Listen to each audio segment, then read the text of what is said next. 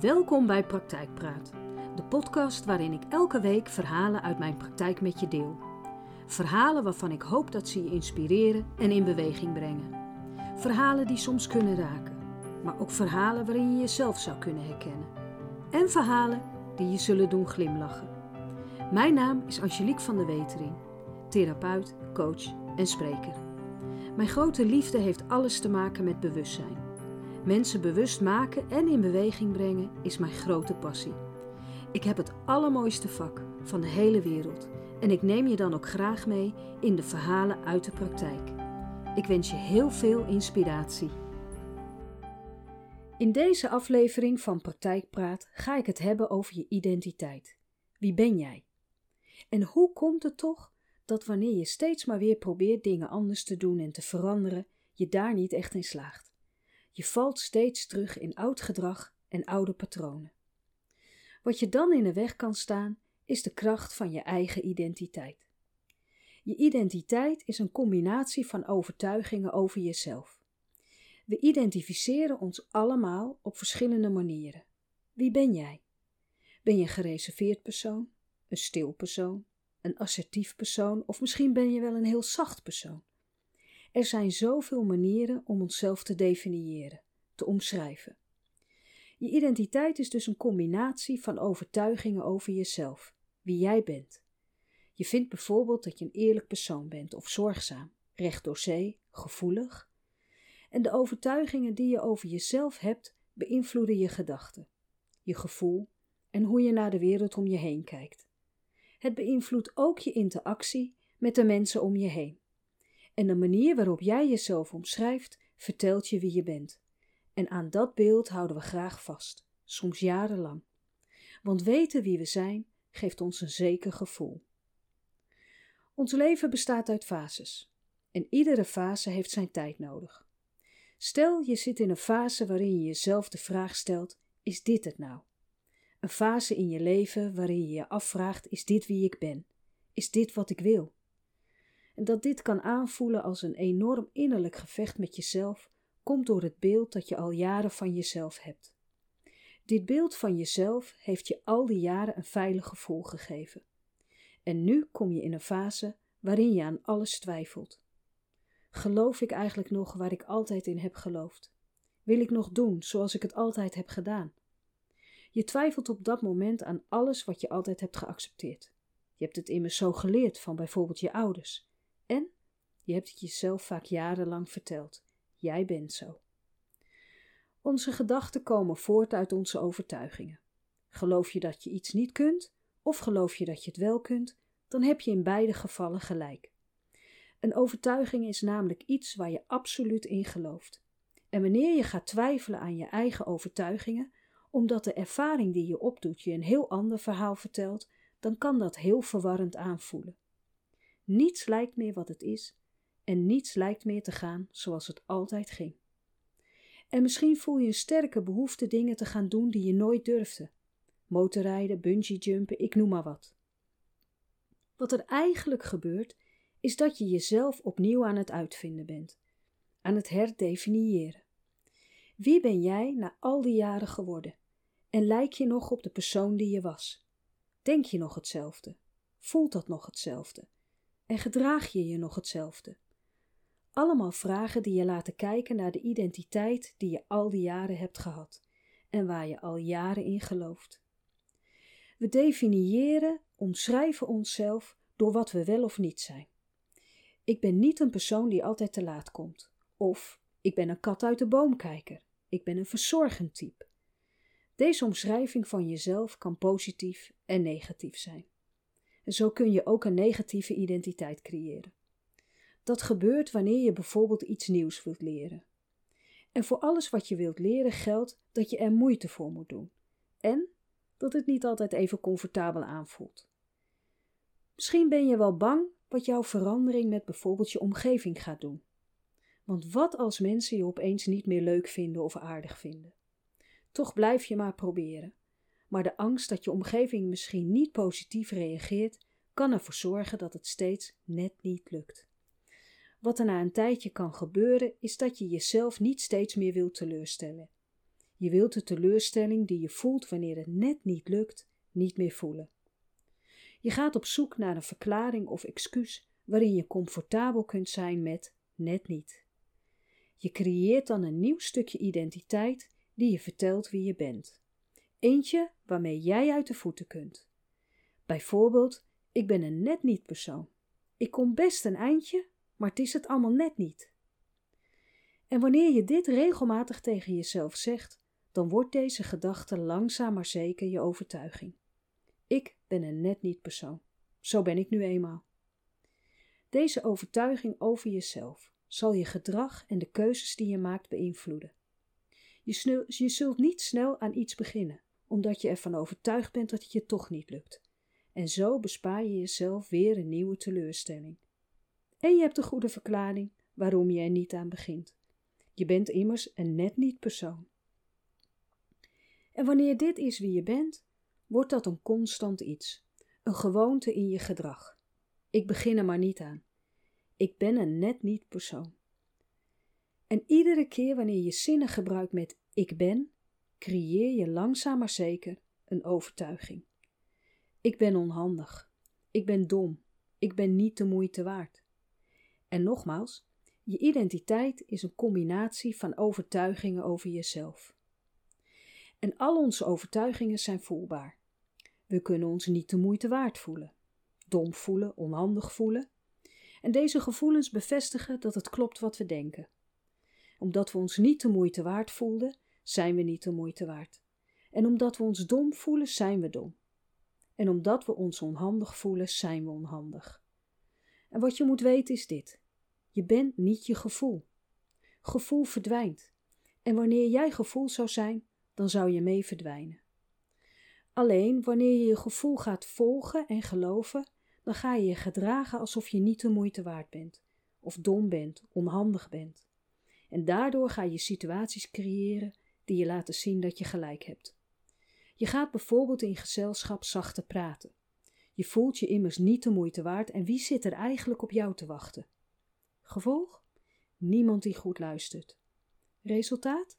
Zie je wel, niemand luistert. Zie je wel, ik ben niet de moeite waard. Op dat moment voel je de emotie die hierbij hoort. Ik ben niet de moeite waard. En zo is het cirkeltje weer rond. Wanneer je dit jaren hebt geoefend, is het doorbreken hiervan en het creëren van een nieuwe jij, een nieuwe identiteit, geen makkelijke opgave, maar zeker wel een haalbare. Het volgende verhaal uit de praktijk laat zien dat je met doorzetten en volhouden het omgekeerde kunt creëren. Ik ben de moeite waard. Haar naam is Linda. Ze heeft me een uitgebreide mail gestuurd waarin ze vertelt zichzelf een beetje kwijt te zijn. En wanneer ik tussen de regels doorlees, krijg ik het vermoeden dat een beetje zichzelf kwijt zijn betekent dat ze zichzelf volledig kwijt is. Wanneer ze tegenover mij zit, valt me op hoe goed ze haar best doet om haar vooral de juiste antwoorden te geven en te laten zien dat ze het allemaal wel begrijpt. Ik besluit de proef op de som te nemen en te kijken of ze echt wel begrijpt wat er aan de hand is. Wat maakt dat ze zichzelf een beetje kwijt is? Linda, wat denk jij dat de reden is dat je jezelf een beetje kwijt bent? Ze kijkt me aan en ik zie dat ze aan het afwegen is hoe ze dit wil omschrijven. Ach, ik denk dat we hier allemaal wel eens tegenaan lopen. Ik heb het ook een beetje druk, mijn werk, mijn sociale leven. Maar ik doe mijn best en dan moet het wel goed komen. Met haar omschrijving geeft ze de indruk dat het allemaal wel meevalt. Een heel ander verhaal dan ik tussen de regels door heb gelezen. Wat maakt dat je, ondanks dat je denkt dat het wel goed komt, toch aan de bel hebt getrokken? Ze wordt rood en blijft even stil. Haar ogen krijgen een vochtige glans. Omdat ik eigenlijk niet meer weet hoe het goed komt. Ik dacht altijd dat ik een persoon was die alles wel kon, die overal wel goed in was. Maar als dat echt zo is, waarom loop ik dan steeds vast? Ik denk aan haar mail, waarin ze vertelt hele lieve en zorgzame ouders te hebben. Alles was er in haar jeugd. Vooral complimenten over hoe goed ze het wel niet deed, hoe trots ze waren. Ze heeft voor weinig dingen echt moeite hoeven doen, want alles was er al. En dankzij haar ouders geloofde ze dat ze overal wel goed in was en dat alles wat ze nodig zou hebben er ook zou zijn. En nu, nu ze op eigen benen staat, komt ze tot de ontdekking dat ze niet overal goed in is. En dat ze moeite moet doen voor de dingen die ze nodig heeft. Het komt haar nu niet meer aanwaaien. Ze moet het nu echt allemaal zelf doen. Wat ik in jouw mail vooral lees, is hoe de weg voor jou altijd is vrijgemaakt, zodat je kon doen wat je wilde en nodig had, zonder dat je daar zelf moeite voor hoefde te doen.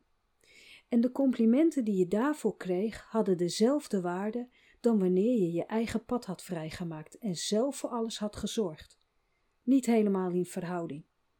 En dan ga je geloven dat alles makkelijk is, makkelijk gaat en als vanzelf op je pad komt. Maar niets is minder waar.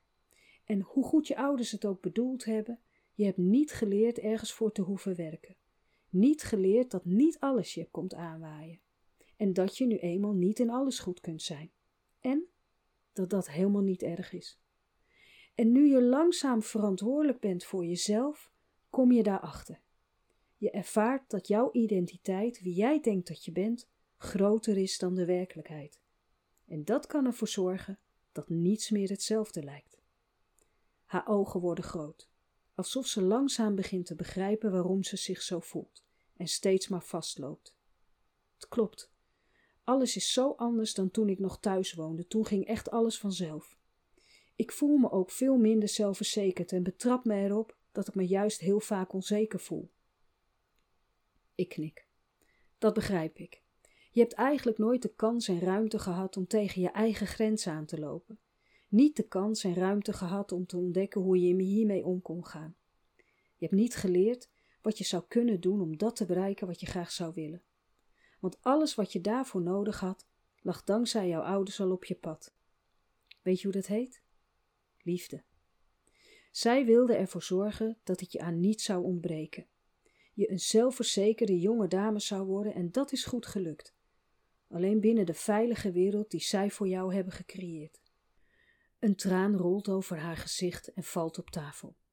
Ze veegt het met een ferme zwaai van tafel af. Ze zijn alleen vergeten te vertellen dat de echte wereld er heel anders uitziet. Ze veegt haar tranen boos uit haar gezicht. Ik huil nooit, heb er ook nooit een reden voor gehad. Ik voel dingen die ik zelden heb gevoeld. Ik weet gewoon niet meer wie ik ben. Ik voel me zo niet de moeite waard. Wie zit er nou op mij te wachten? Haar frustratie laat zien dat ze het lastig vindt om te accepteren dat ze misschien toch niet de persoon is van wie ze dacht dat ze het was. En de twijfel in haar blik, vertelt mij dat ze niet meer zo gelooft in wat ze altijd heeft gedacht. Dat is voor mij een open deur. Lieverd, de situaties die het je nu zo moeilijk maken, dat zijn ook de situaties waar je het meest van gaat leren. En wat belangrijk is te weten dat deze situaties emoties met zich meebrengen. Ze brengen je in een bepaalde emotionele staat, bijvoorbeeld boos, verdrietig of angstig. En jouw verhaal geeft je het gevoel niet de moeite waard te zijn. Wanneer je je gevoel gaat geloven, ga je je op een bepaalde manier gedragen. Ze staart me aan en zegt: zoals bepaalde situaties ontwijken. Precies. En wanneer je dat regelmatig doet, raak je ervan overtuigd dat je zo'n persoon bent. Je gaat geloven dat je niet de moeite waard bent en zo voorspel je je eigen toekomst. Ze schudt haar hoofd en zegt: Dat is het laatste wat ik wil. Een toekomst creëren die me laat zien en geloven dat ik niet de moeite waard ben. Ik glimlach. Ze heeft het begrepen en beseft dat er werk aan de winkel is. Dan gaan we samen aan de slag om de toekomst te creëren die jij graag wil. Besef je dat iedere verandering bij jou begint. Wil je een verandering zien, dan begint dat bij wat je denkt waar je in gelooft en waar je van overtuigd bent, naar jezelf en naar je buitenwereld. Wat ik wil, is dat je je sterke kanten opschrijft en hoe deze sterke kanten tot uiting komen in de veilige wereld die je ouders voor je gecreëerd hebben en in de realiteit waarin je nu leeft. Ga je mee aan de slag en probeer zo objectief mogelijk te zijn. En wil je een tip om makkelijker objectief te kunnen zijn? Laat je gevoel even thuis. Ze grijnst en zegt: ik stuur Ik ben niet de moeite waard wel even uit logeren. Na een aantal gesprekken zit ze weer tegenover mij. Haar blik is open en heel anders dan de eerste keer. Ik heb iets ontdekt. Iets wat ik niet verwacht had. Ik kan nog steeds in dingen goed zijn, alleen hoef ik niet in alles goed te zijn. En alles kan nog steeds gewoon weer goed komen. Alleen moet ik daar wel zelf moeite voor doen. En ik ben zeker de moeite waard. Alleen moet ik dat wel zelf willen zien en voelen. En om dat te voelen moet ik dingen doen waar ik goed in ben. En het me niet alleen maar laten vertellen. En om ervoor te zorgen dat het wel goed komt, moet ik dingen doen zodat het weer goed komt. Zodat ik trots kan zijn op mezelf en me zo de moeite waard voel. Omdat ik dan zelf de verantwoordelijkheid heb genomen over wie ik wil zijn. Ik kijk eraan met kippenvel over mijn hele lijf. Ze is echt aan de slag gegaan met de opdracht die ze meekreeg. Weet je wat nu de volgende stap is? Oefenen, oefenen, oefenen. Vijf maanden van intensieve gesprekken en heel veel oefenen maakt dat er een hele andere jonge dame tegenover mij zit. Hoe gaat het met je? Ze kijkt me met een heldere, open blik aan. Ik weet weer wie ik ben, wie ik wil zijn, en het lukt me daarom steeds makkelijker om die dingen te doen die voor mij belangrijk zijn, ongeacht wat een ander daarvan vindt. En dat maakt mij blij met het beeld dat ik nu van mezelf heb. Ik kan echt zeggen dat ik mezelf de moeite waard vind. Ze staat op en vraagt of ze mij een knuffel mag geven. Zonder de spiegel die jij me hebt voorgehouden, had ik nooit gezien wie ik toen was. Dank je wel. Je eigen identiteit. Wie ben je? Is dat wie je wilt zijn? Onderzoek. Stel jezelf vragen. Blijf niet een leven lang wie je altijd was. Je kunt je dan onmogelijk ontwikkelen en staat je eigen kansen in de weg. Je huis ziet er toch ook niet meer hetzelfde uit als twintig jaar geleden? Waarom jij dan wel? Dit was weer een aflevering van Praktijkpraat. En ik wil je vragen om deze aflevering te delen wanneer je denkt dat deze interessant kan zijn voor iemand. Dank je wel alvast voor het luisteren en het delen. Tot de volgende Praktijkpraat. Wat fijn dat je weer luisterde naar een aflevering Praktijkpraat. Dank je wel. Zou je door middel van een review willen laten weten wat je van deze podcast vindt? Dat is heel eenvoudig. Ga naar de podcast-app waarmee je deze podcast luistert en klik op reviews. Laat bijvoorbeeld 5 sterren achter en wanneer je wilt ook een geschreven review. Heel erg bedankt. En heb je naar aanleiding van deze podcast vragen, opmerkingen of suggesties? Mail dit dan naar info apenstaartje angeliekvandewetering.nl Wanneer je nou denkt dat deze podcast interessant zou kunnen zijn voor een vriend, een vriendin of bijvoorbeeld een collega, dan zou het super zijn wanneer je de podcastaflevering doorstuurt. Wil je alle podcastafleveringen overzichtelijk onder elkaar? Abonneer je dan op deze podcast. Klik in je podcast-app op de button subscribe of abonneer. En elke keer als er een nieuwe aflevering gepubliceerd wordt, ontvang je automatisch een berichtje. Nogmaals, dank je wel voor het luisteren en heel graag tot een volgende keer.